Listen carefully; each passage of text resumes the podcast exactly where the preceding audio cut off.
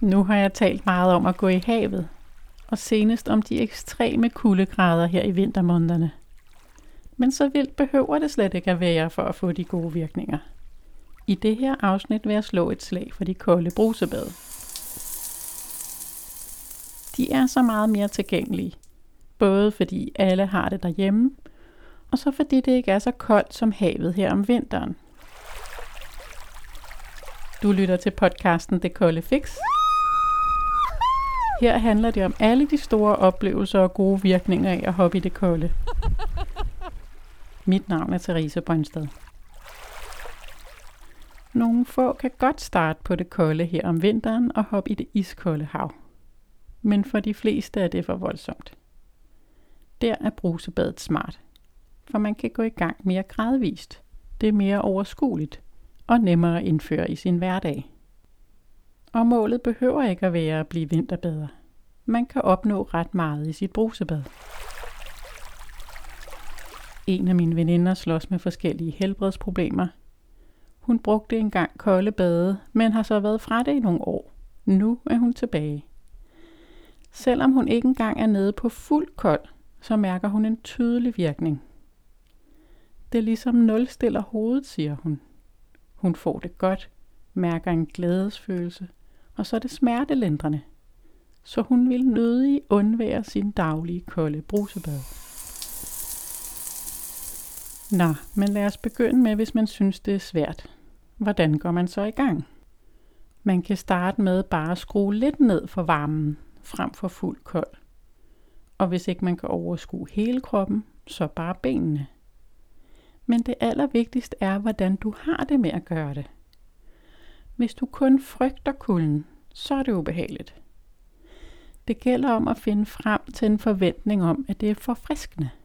At finde frem til en tillid til, at din krop kan takle det. Tænk på det som en overfladisk kulde.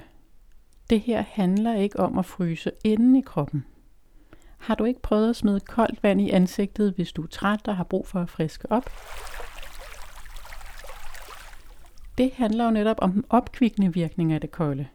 Hvis du synes, det er meget svært i brusebadet, så start med ansigtet over håndvasken, mens du får fat i følelsen af, at det her frisker dig op. Så når du har godt fat i det, så tag den tilgang med i brusebadet. Jeg bruger altid koldt skyld til sidst efter et normalt varmt brusebad. Jeg vil ikke undvære det. Det giver et kick og strammer huden op. Man har det rart bagefter. Jeg har en mærkelig varmelfølelse, hvis jeg ikke har afsluttet med det kolde. Men hvis det kolde er svært for dig, er det måske nemmere at gøre undervejs i et varmt brusebad, så du efter det kolde igen kan hygge dig med det varme. Men man kan også starte med det kolde. Nogle synes, det er nemmere. Og det er der faktisk en god pointe i. Huden reagerer på det varme vand med at øge blodgennemstrømningen for at afgive varme. Mens den skal gøre det modsatte i det kolde. Så faktisk er det nemmest for din krop at takle, hvis du lige har været udendørs i kulden. For så er din hud startet på at gå over til kuldetolerance. Så er der kortere vej for din krop det bruger jeg, når jeg skal i havet om vinteren, hvor vandet er meget koldt. Så forbereder jeg kroppen ved at tage en resttur ud i kulden. For den kolde luft gør, at min hud starter på at slå over på kuldetolerance. Plus jeg har fået varmen i mine muskler og bevægelsen. Præcis de to ting, som gør min krop god til at takle kulden fra det iskolde vand. Du må afprøve de forskellige ting, og finde ud af, hvad der passer dig bedst. Det afgørende er bare, at du bliver fortrolig med det kolde, at din krop bliver fortrolig med det kolde, at din krop erfarer, at så kort kulde ikke er farligt, og den bliver trænet i kuldehåndtering. Nogle er hurtige til at springe ud i det, andre har brug for at gå langsomt frem. Og som sagt, solid kuldetolerance er noget, man opbygger over tid, når man lige er kommet over de første gange, hvor det er sværest. Når man så er kommet godt i gang, hvor meget skal der så til? Når man er blevet fortrolig med et kort skyld over hele kroppen, man behøver ikke hovedet, bare kroppen. Hvor længe skal man så gøre det? Det er der forskellige bud på. Det afhænger også af, hvad du vil opnå, og hvor koldt vandet er. Og så afhænger det af, hvad tilstand din krop er i til en start. Vi er forskellige. Så det er ikke til at sige præcis, hvor længe der skal til. Så du må prøve dig frem. Hvor meget skal der til, før du får en virkning? Og når du så har fået en god virkning, så kan du på et tidspunkt gå videre og udforske, om der er mere at hente. En ting er at køre et hurtigt skyld over kroppen med bruseren, men det er øgetiden. Det kan også være svært. For eksempel hvis man vil øge til to minutter. Det er hvad Wim Hof-metoden siger, man skal op på. Wim Hof er en hollænder, som flere gange har sat rekord i at udholde kulde. Han har siddet i isvand i en time og 42 minutter. Han har svømmet 57 meter under isen uden våddragt eller noget. På et tidspunkt gik forskere i gang med at måle på ham, hvordan det kunne lade sig gøre.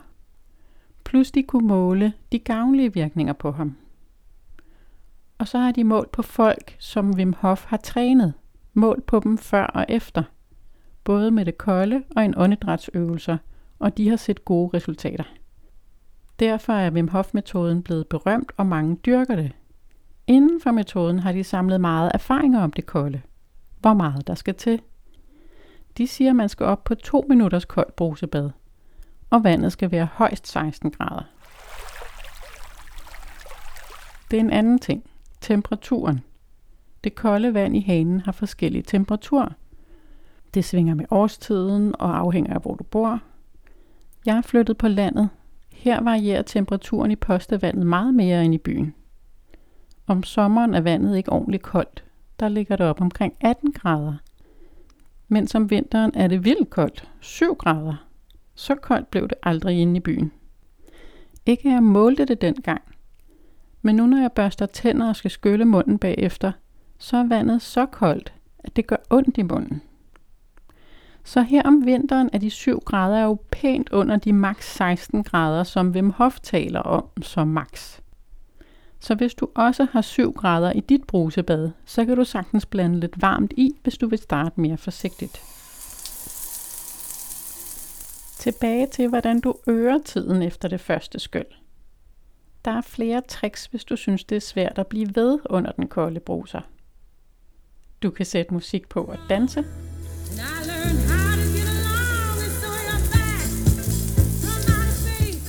Det hjælper dig til at komme væk fra at have modstand på det kolde vand, og få dig over i det forfriskende, frem for at frygte kulden.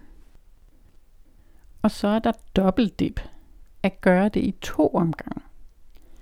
Efter det første skyld går din krop i gang med kuldetolerance. Blodet trækker sig væk fra huden, dine kuldereceptorer bliver bedøvet. Efter det første korte skyld kan du lige tage en pause og giv kroppen et øjeblik til at gøre de her ting. Gerne mens du smiler og griner lidt af situationen. Det hjælper også. Og når du så går ind anden gang, så er det meget nemmere. Jeg kan ikke sige dig, hvor lang pausen skal være mellem de to gange koldt.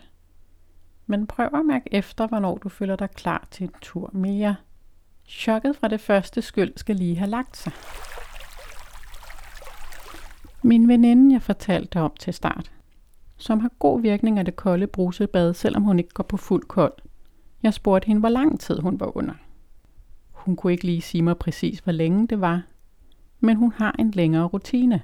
Hun starter på halvvejs mellem varm og kold, og kører så bruseren over hele kroppen.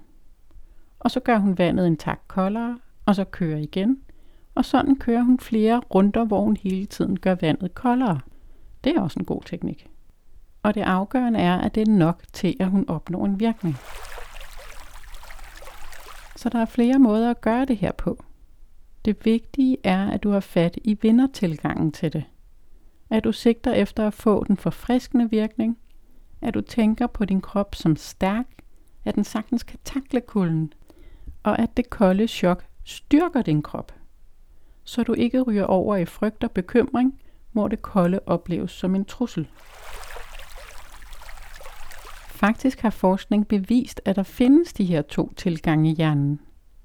At vi enten reagerer med at tro på, at vi kan klare det og føler os stærke, eller et stress opleves som uovervindeligt, og vi reagerer med at være opgivende og trække os væk. Derfor gælder det om ikke at binde an med udfordringer, som er større end vi kan overkomme dem. For når vi klarer en udfordring, så styrker det os og giver os energi til at gøre det igen. Det handler om signalstoffet dopamin. Det bliver udløst, når vi lykkes med at klare noget svært. Du ved, når man har lyst til at smide armene i vejret og råbe juhu. Det er dopamin, som ruller i din krop. Det er et super nyttigt hormon, fordi det giver os kræfter til i fremtiden at bide skære med lignende udfordringer. Det gør os glade, og det får os til at føle os stærke og kompetente. Det er godt at bruge i alle mulige sammenhænge. Så dyrk din dopamin. Start i dit brusebad. Nok for denne gang. Hvis du ikke allerede har hørt afsnit 3 og 4, kan jeg anbefale at lytte til dem. Der er mere om de her ting med kuldetolerance, og hvis man synes, det kolde er svært. Du har lyttet til podcasten Det Kolde Fix. Mit navn er Therese Brøndsted. Lev, mens du gør det. Hop i det kolde, mens du tør det.